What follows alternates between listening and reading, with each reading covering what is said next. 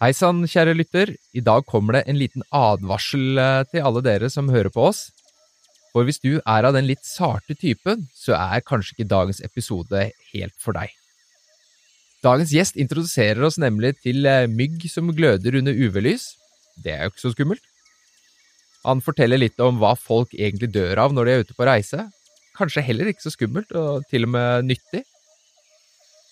Men han forteller også om minifisken som kan krype opp i urinrøret ditt og feste seg der med kroker om du tisser mens du nakenbader i Amazonas. Og det er ganske ekkelt.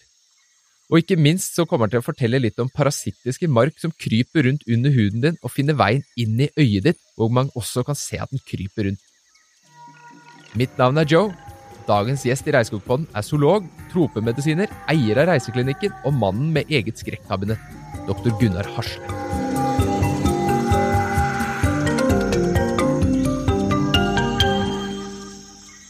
Velkommen inn i studio, doktor Gunnar Hasle. Takk. Vil du at jeg skal kalle deg doktor Hasle, eller eh, doktor Gunnar, eller Gunnar? Eller? I denne sammenhengen passer det bra å si Gunnar. Gunnar er ikke så formelt. Så bra, det liker vi. Ja, du er jo hos oss eh, fordi du er jo en eh, Du er jo ikke en helt vanlig doktor. Du er jo en doktor som har spesialisert deg på tropiske sykdommer. Eh, når jeg gjorde litt research på deg på forhånd, så må jo jeg innrømme at jeg ble både overraska og, og, imponert. For du har jo en CV som er like lang, om ikke lenger enn armen min. Du er jo doktor i indremedisin, stemmer det? Ja, og infeksjonsmedisin, da, med ja. diplom i tropesykdommer. Ja, Og så har du studert entomologi? Ja, eh, jeg hadde jo egentlig mest Eller jeg skulle jo blitt zoolog. Som barn var jeg sånn, sånn fugle, fuglekikker og fanga salamandere og hadde salamandere på gutterommet. liksom, Det var zoolog jeg hadde lyst til å bli, men så, av en eller annen grunn så syntes jeg ikke det var så kult å bli zoolog da jeg gikk på videregående skole. Så, eh, men, men så, så, fikk jeg da på et eller annet tidspunkt eh, lyst til å og studere medisin, og tenkte at der kan jeg kombinere zoologi og mye annet. Og dessuten så ville det gi mulighet til kanskje å tilfredsstille min eventyrlyst om å reise på ekspedisjoner som ekspedisjonslege og arbeide i fattige land som tropemedisiner. sånn at det, det var med meg liksom helt fra starten liksom i valget av medisin. Jeg, jeg, jeg, jeg, kan ikke huske at jeg hadde veldig lyst til å være liksom allmennpraktiker i Norge noen gang, sånn, sånn vanlig lege, liksom. Det, det måtte være noe som hadde med tropesykdommer å gjøre. Ja, for det er jo ikke sånn at det er eh, vanlig kost å studere tropene her i Norge. Det er jo, arbeidsmarkedet er jo litt smalere enn hvis du er eh, Eh, holdt på å si vanlig allmennpraktiserende, kanskje? Ja, altså skal du velge liksom noe å leve av, så skal det helst være noe som folk har. Mm. Og, og, det er liksom noe av det tropesykdommer er det, er det veldig lite av, og, og, mye mindre nå enn det var da jeg studerte medisin. Altså Før var, var, det jo 3000 misjonærer ute, blant annet, men de er jo helt borte nå. Så, så vi ser jo nesten ikke tropesykdommer i Norge. Det er eh, en del innvandrere som kommer inn med tropesykdommer, eh, sånn som da det var eh, disse vietnamesiske båtflyktningene eh, eh som kom som på 70-80-tallet. Da var det jo masse eh, å gjøre med tropemedisin, men, men, sånn som nå, når eh, innvandrerne har bodd i Norge lenge og det ikke er så veldig mange nye, og, eh, så er det ikke så mye i det, segmentet heller. Nei, så, så, nei, du må reise ut for å se tropesykdommer. Men det jeg ble litt skuffa over da jeg reiste og arbeida på et misjonssykehus i Tanzania, det var det at jeg så ikke noen tropesykdommer der heller. Oh. Um, nei, altså det var vanlige ting der også. Uh, så, uh, så, så, det jeg har sett mest av tropesykdommer, det har vært de sjeldne tilfellene som har kommet inn på Ullevål sykehus, hvor, hvor, hvor tingene Eh, hvor det kommer inn. og da, lærer man jo en del av det. Men det er veldig morsomt å lære om tropesykdommer, og gå på kurs i tropesykdommer, for dette her er jo zoologi, og veldig spennende zoologi. Eh, ofte veldig eh, spennende livssykluser, eh, og for eksempel hvordan eh, parasitter kan narre verten slik at verten overlever. Vi har jo et immunforsvar, men disse parasittene overlever det. Og det kan være en, en parasitt som heter schistosomiasis, for eksempel, som er kjent fordi at hvis man bader i ferskvann i Afrika, så kan disse larvene bore seg inn i huden og, og, så utvikler det seg da til voksende mark som lever i blodet, i blodårene hos mennesker. Eh, og så skilles eggene ut i urin og avføring. Så de, da finner de hverandre, og så parer de seg, og så lever de sammen i mange år i en blodåre i et menneske, og slipper stadig ut ut egg. Dette hørtes så forferdelig Ja, ja, ubehagelig ut. Men hvorfor blir ikke de ødelagt av, eh, av immunforsvaret? Nei.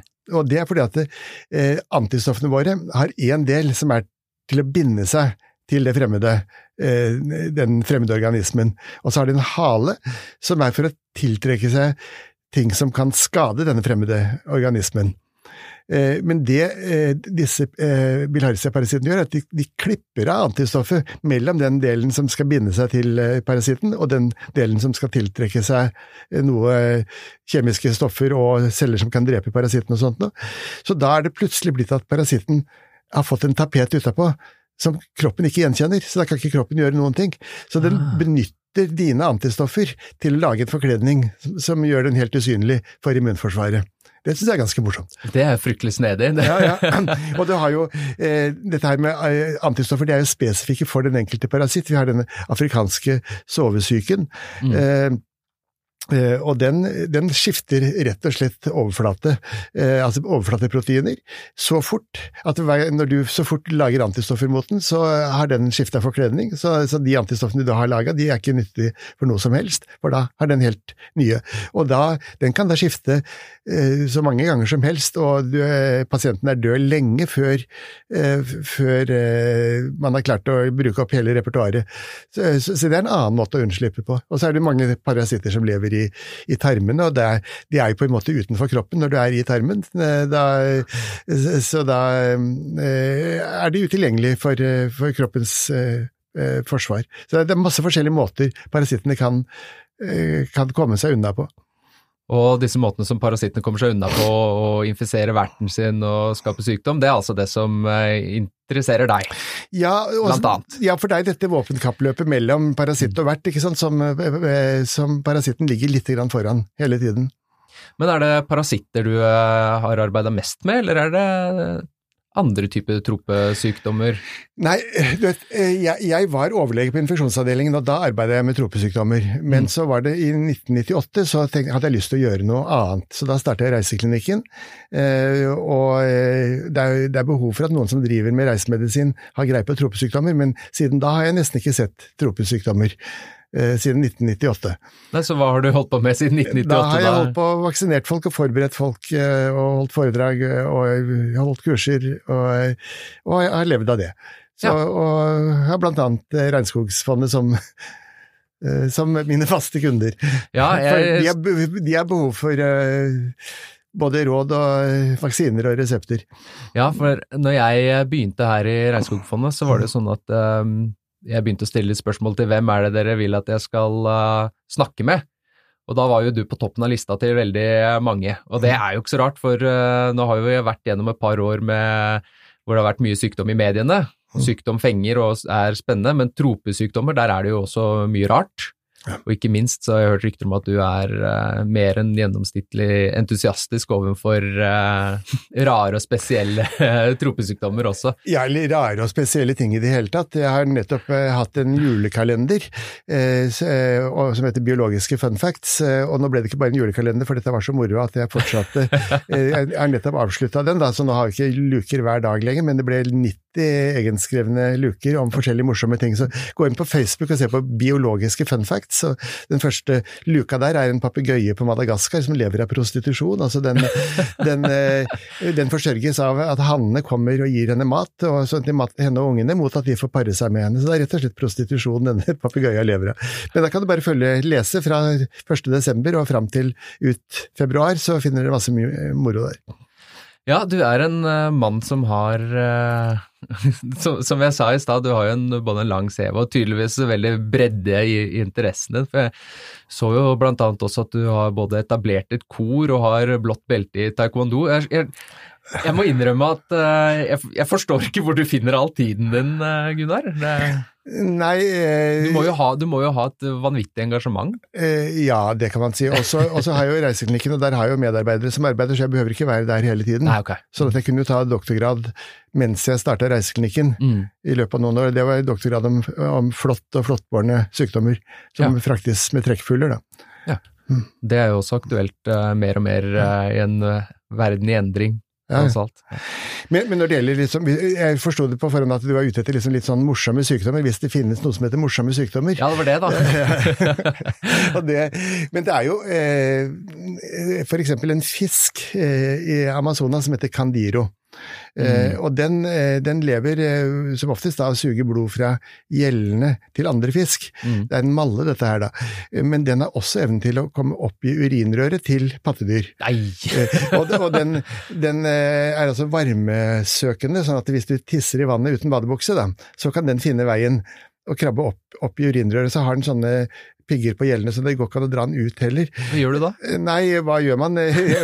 Eh, Hvis man er på et sykehus, så kan du jo sikkert gå inn med noen sånne instrumenter og få fjerna den, men det er klart, er du på tur ute i regnskogen, så er det veldig vanskelig å, å gjøre noe med det. Så, så den vil jo da suge blod, og det er veldig smertefullt. Da. Og det, Ja. um, altså det, eh, jeg skal jo kalle det morsom sykdom, men det er i hvert fall det, er, det er morsom biologi i hvert fall at dette her går an. Men jeg si, da jeg var på padletur i Essequibo-elva, da passer jeg alltid på å ha badebukse på når jeg, når jeg bada i elva der, derfor for jeg visste at det var sånne, sånne fisker der. Ja, og det er jo, det er jo pirajaer også, de er jo stort sett eh, eh, ganske redde for mennesker. Mm. Vi er jo farligere for dem enn de er for oss, men, men det er klart, du vil jo også foretrekke å ha badebuksa på.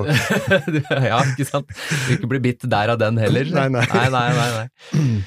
Nei, nå, uh, Vi var inne på det i stad, nå har vi vært gjennom noen år med, med sykdom, og vi skal styre litt unna det, men uh, du jobber jo for, eh, eller jobber for, sier jeg, du driver jo Reiseklinikken, Mm. Uh, og nå skal jo folk ut og reise igjen. Um, og da er det jo sånn at det, denne, denne, oi, denne mallen eh, som du snakket om, det er jo ikke hverdagskost. Um, men hva er det folk bør være litt mer obs på når de er ute og reiser? Ja, altså Det folk dør av på reiser Det er ca. ti nordmenn som dør av trafikkulykker, og ti Mm. nordmenn som dør av drukning på reiser. Eh, og så det, går det mange år mellom hver gang noen eh, som drar på ferie og dør av malaria. Mm. Eh, og så er det jo en masse andre sykdommer, sånn japansk encefalitt og rabies og sånt, som er så sjelden at det nesten ikke trenger å regne med det i det hele tatt. Altså det er, Reisemedisin er på en måte å vaksinere mot sykdommer som ingen får.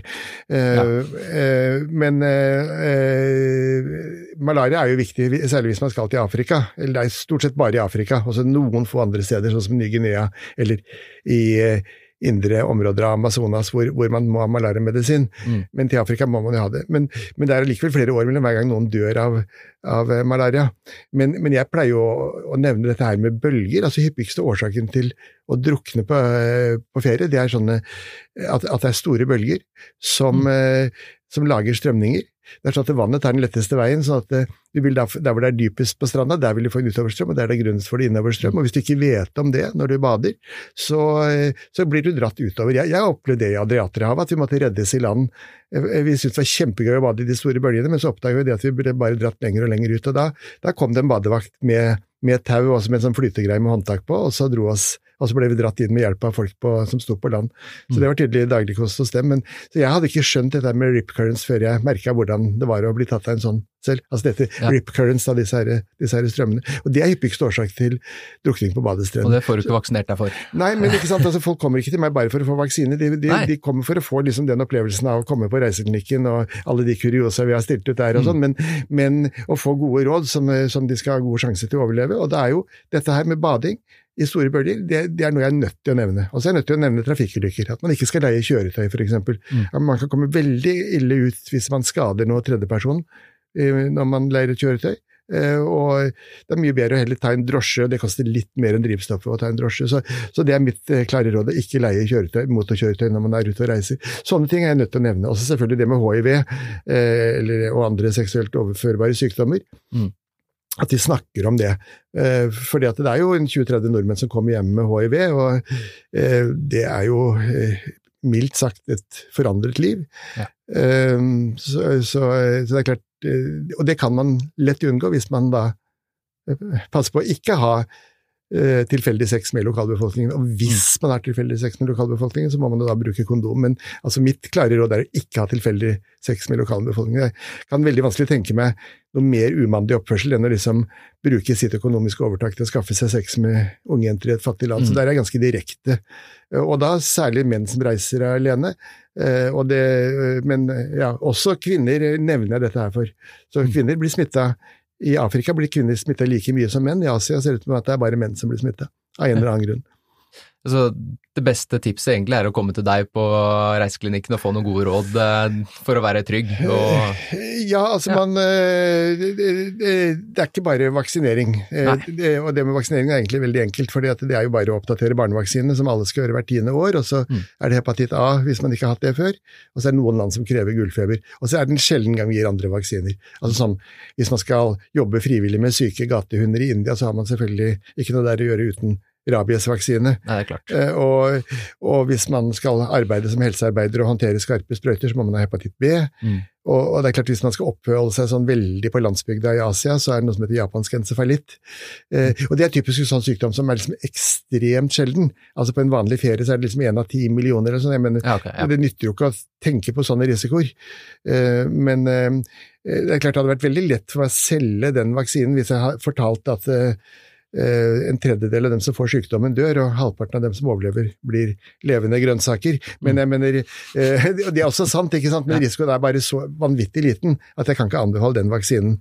Annet enn hvis du skal jobbe et feltarbeid ved rismarkene i Vietnam, liksom, og være ute på landsbygda i lengre tid, da, da skal du ha den vaksinen. Men, men stort sett så prøver vi liksom å tone ned dette, for folk vil jo ofte ha mange vaksiner, men vi prøver å, å tone det ned. For det er så ekstremt liten risiko. Men, men, sånn som rabies, ikke det viktige er da at du ikke, ikke håndterer pattedyr, og hvis du blir bitt eller klort eller slikka et sår, så må man da gå til lege med en gang og få rabiesvaksine der man er. Mm. Jeg har litt lyst til å spore tilbake til uh, dette her med litt sånne sprø og uh, rare sykdommer. Kalle det morsomme var jo uh, kanskje er vel kanskje ikke like ålreit for den jeg tenkte jeg skulle spørre deg om nå. Um, men uh, har jeg rett hvis det er noe som kalles for er det elefantitt? Ja, elefantiasis. Elefantiasis. Ja, ja, det er en myggbåren eh, parasitt. Eh, de har eh, eh der, der, lever de voksne markene lever eh, inni noen lymfeknuter, men, men, problemet er at de legger Eh, de, de, de, slipper ut larver som heter mikrofilarier. Mm. Og de mikrofilariene de kan gjøre at lymfedrenasjen blir eh, tetta igjen, og da vil du få ødemer.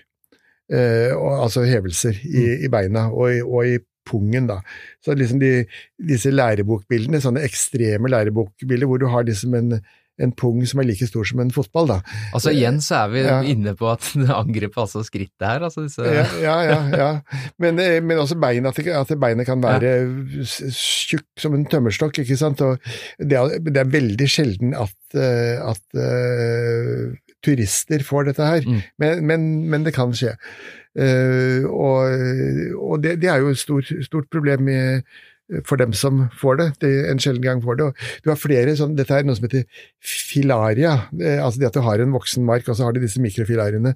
Du har jo den som, eh, som gir elveblindhet, hvor mikrofilariene kan samle seg i øyet og, og gi noe kronisk betennelsesreaksjon inni regnbuehinnen så, sånn at, eh, og, og, gi blindhet.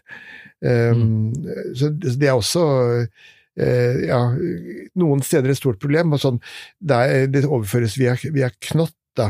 Så folk som da lever langs elver, og hvor det er mye av denne sykdommen, så er det sånn at det, veldig mange gamle mennesker eh, blir blinde, og det må da ledes av, av barn som, uh, som, viser dem veien. Så at kanskje helt, man kan se liksom en et tog med blinde som ledes av et barn. ikke sant, for at det, Dette er en sykdom som, som, da rammer eldre, for dette tar tid å utvikle det. Altså, Barna kan også rammes av, av infeksjonen, men det tar lang tid å bli, bli blind av det. Og Dette her er noe som det går an å, å behandle. altså Man kan, man kan uh, drepe disse mikrofilariene ved å ta en kur flere ganger i året, uh, og da vil det også hindre at du sprer smitten til andre. fordi for disse mikrofilariene de, blir, de kommer inn i blodet når knott spiser uh, spiser blodet, suger blod, og så kan de bringes videre der. Men å prøve å utrydde knotten eh, Det er klart, det går an. altså Du sprøyter med gift eh, da i elvene også, men da må du jo sprøyte veldig mye gift, og Mm. du ødelegger mye. Og, og, og så er det at knott er, er veldig dyktige flyvere, og de kan dessuten drives langt med lufta. Sånn at eh, det var jo et fors forskningsprosjekt hvor de, hvor de merka knott. Eh, de gjorde vel antagelig det med sånn fluoriserende farge, så at når de da fanger inn og utsetter for ultrafiolett lys, så kan de se, se blant mange knott noen få som lyser opp. Det hørtes ut som en veldig omstendelig jobb for de forskerne. Ja, nei, nei da, du, du fanger opp, og så, og så merker du det med, med, med, med fluoriserende farge, og så Mm. slipper de ut igjen, så lar de fly. Og så går de man da og leter etter, men, men da hadde de oppdaget at de kunne finne igjen eh, merka knott 40-50 mil fra der, der de hadde merka dem. Da skjønte de at dette her eh, Da har du litt av en jobb. Jeg tror ikke vi skal prøve å utrydde disse her, ikke sant. Det, det, det blir altså med så stor spredningsevne. Mm. Men jeg syns det er ganske fascinerende måte, metodikk, da, at de, de klarer å finne igjen Det er mange mil unna.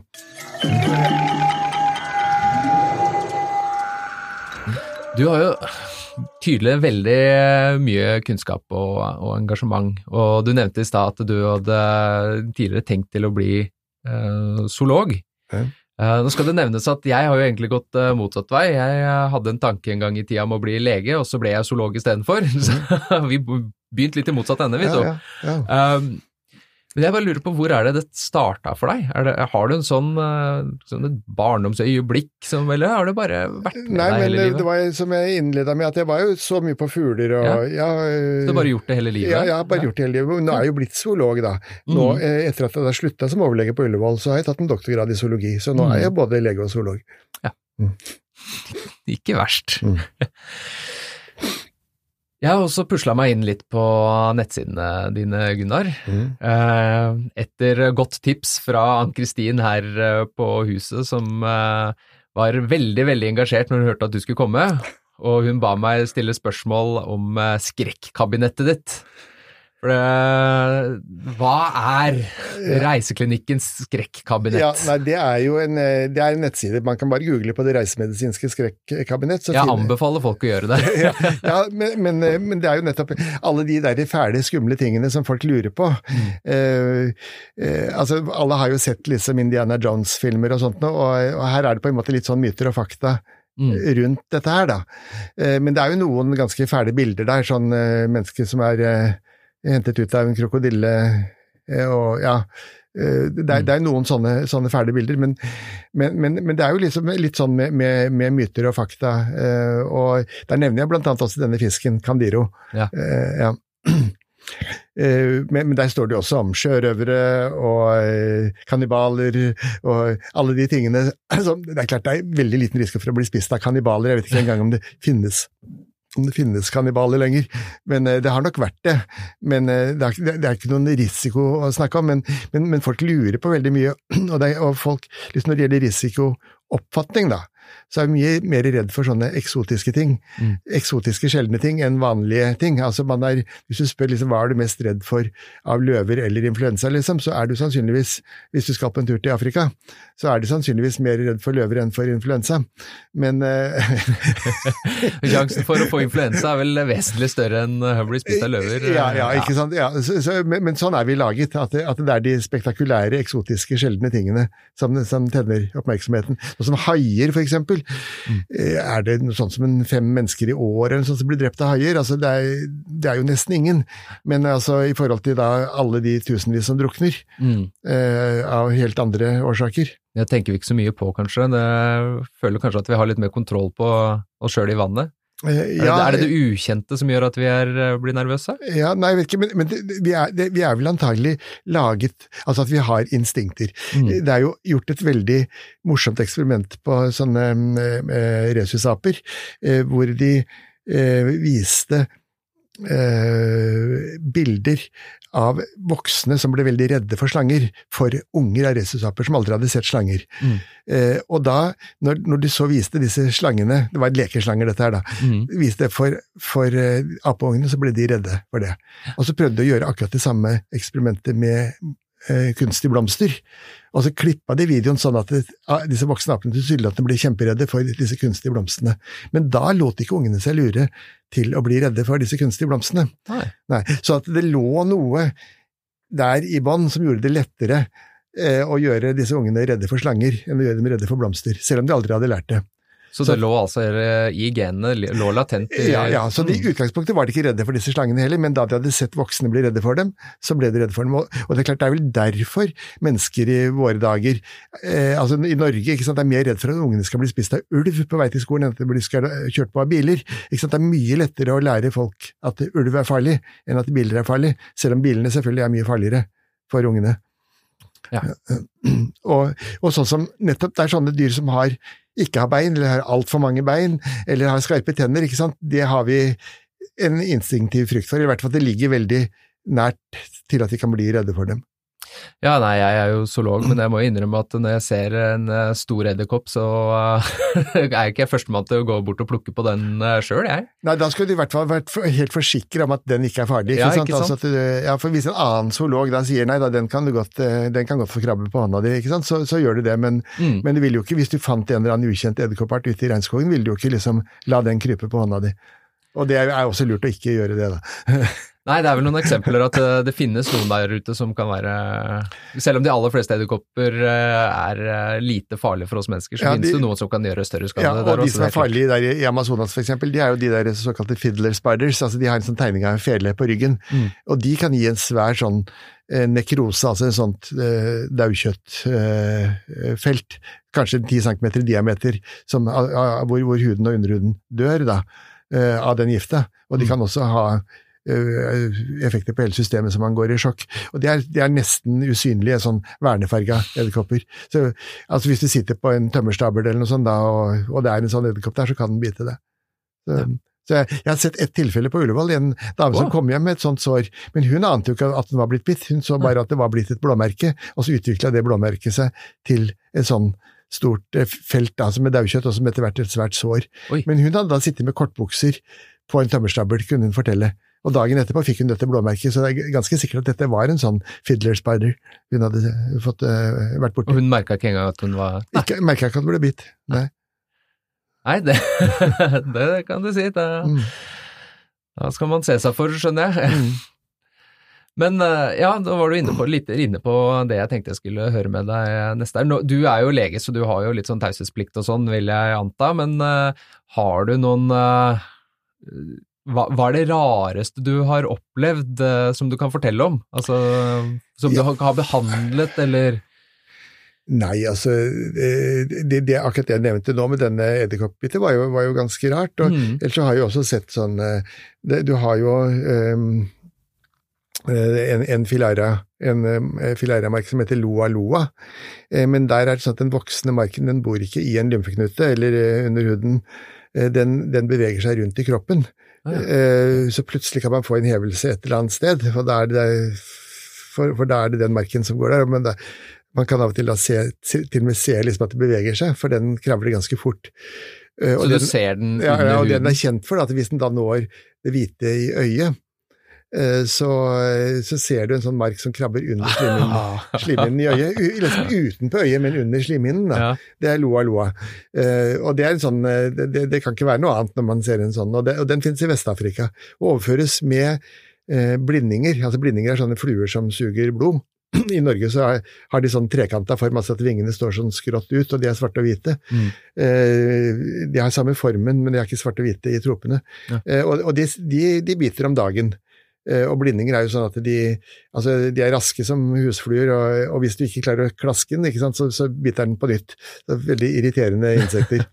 eh, og de, de, stikker da eh, bare om dagen. Det som er litt artig, er at eh, disse mikrofilariene da, som skal over i blindingen for å spre sykdommen videre, mm. Eh, de er ute i blodet bare om dagen og så hviler de seg om natta. Så de kaster ikke bort kreftene på å være ute når, når blindingen ikke stikker. Hvor er det hen da? Nei, de, de, de, de ligger nok i, i blodet da, ja, okay, men de svømmer ja. ikke rundt. Da. Nei, sånn, ja. Mm. Eh, så de hviler seg eh, halve døgnet. Men eh, det, er, det fins en lignende, veldig nært beslekta loa loa som går på aper. Men apene er altfor smarte til å bli bitt om om dagen. Så, så da, de, da, klarer blindingene bare å, å bite dem om natta når de sover. Ja. Eh, men de, der er mikrofilarene ute i blod bare om natta. Eh, så, så da nytter det ikke å lete etter dem om dagen. Hvis du skal finne det på apene, så er det bare om natta. Så, så der, har, der, har, de parasitten tilpassa seg eh, vanene til, til verten. Altså, for en sprø verden du har dykka ned i, Gunnar. ja, men Les biologiske fun facts, der finner du veldig mye artig. ja, det skjønner det at vi må, jeg må ta et dypdykk tilbake i, i, den 90 dager lange julekalenderen din. Ja, på Facebook. Ja, ja på Facebook. Nei, det er jo fantastisk.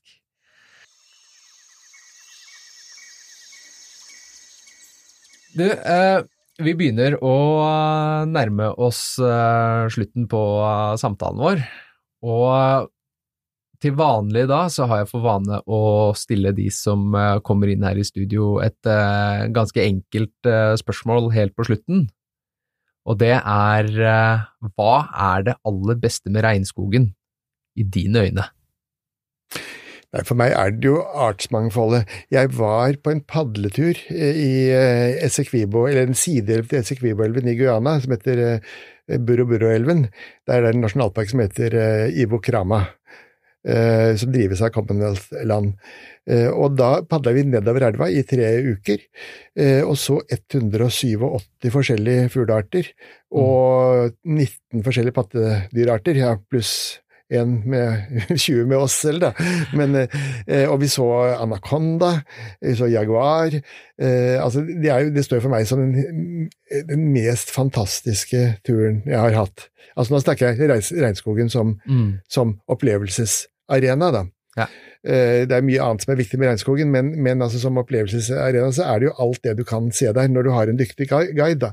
Og da hadde jeg med en amerikaner eh, som het Douglas Trent, som eh, jeg skjønte jo første dagen hvor, at han var jo bare vanvittig god. Spurte jeg er du en av verdens beste. Er du verdens beste? spurte jeg. Nei, ja, han, ikke, han, trodde ikke det, men han var i hvert fall en av verdens ti beste når det gjaldt uh, fugleliv i, i, Amazonas eller i Brasil og, eller Sør-Amerika. Sør det var ikke så verst å være en av verdens ti beste heller. Så han hadde da anledning til å liksom suge kunnskapa i tre uker. Men så hadde vi da en, en indianer, jeg vet ikke om det heter Han, eh, han kalte seg Amerindian. Han, han indianeren, så det, i hvert mm. fall han syntes det var ålreit å bli kalt indianer. Uh, og eh, han het Bradford Allicock. Uh, og det viste seg at han var jo like god som den amerikanske Douglas Trent når det gjaldt fuglearter. Det var i noen tilfeller de ikke var helt enige om systematikken, fordi at Bradford hadde flere navn, men det, var mm. det, det kunne jo da Eh, den amerikanske ornitologen sin var fargevariasjoner. Det var ikke forskjellige arter, så de hadde faktisk flere artsnavn, da, indianerne der. Men, ja. men, og, og, han kunne jo også fuglene. Eh, og han kunne da navnet på en 300-400 tresorter. Og han var liksom aldri opprådd hvis han trengte tau. ikke sant? Det visste han hvor han fant tau. Da var det, eh, han var liksom hele tiden hvor han viste liksom sin kunnskap og sin nyttige kunnskap, og hvordan vi kunne overleve i regnskogen. Og jeg lærte han hvordan man systematisk skanner et tre for å se, få øye på ting. Uh, ja. og, for han gikk jo da liksom flakket med blikket hele tiden, og det var jo det at han, han, han, var oppmerksom overalt og fikk øye på Det var nesten alltid Bradford som fikk øye på ting, før alle oss andre.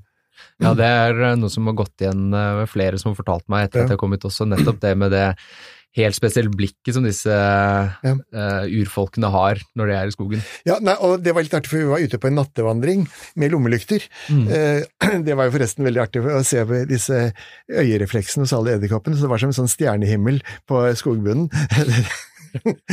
ikke noe for folk som har edderkoppfobi. Men, men, men, da så jeg Bradford, da, indianeren, han, han fulgte eh, hvordan han brukte lommelykta det var jo da sånn som han brukte øya om dagen. Så da kunne jeg se mønsteret mønstre han, ja. han skanna landskapet med direkte. Det, det, var veldig artig. En helt fantastisk tur vi hadde der. Mm. Og det var sammen med professor Anton Hauge, som har skrevet om eh, regnskog og regnskogsproblemer helt siden 50-tallet her i Norge.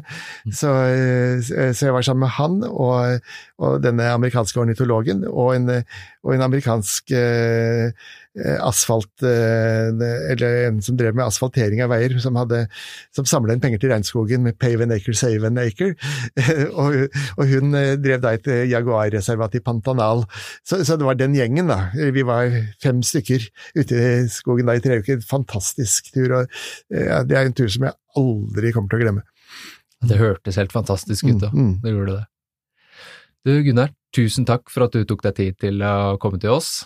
Ja, det var veldig hyggelig å være her. Tusen takk for at jeg fikk komme. Jeg eh, har eh, jeg skulle til å si at jeg har stor tro at jeg kommer til å spørre pent om du kommer på besøk igjen med flere historier, men jeg kan si deg med en gang at du kommer nok til å få en eh, telefon eller en e-post av meg som spør pent om du kan komme tilbake med flere historier. For dette var absolutt kjempeartig å ha deg. Takk for det.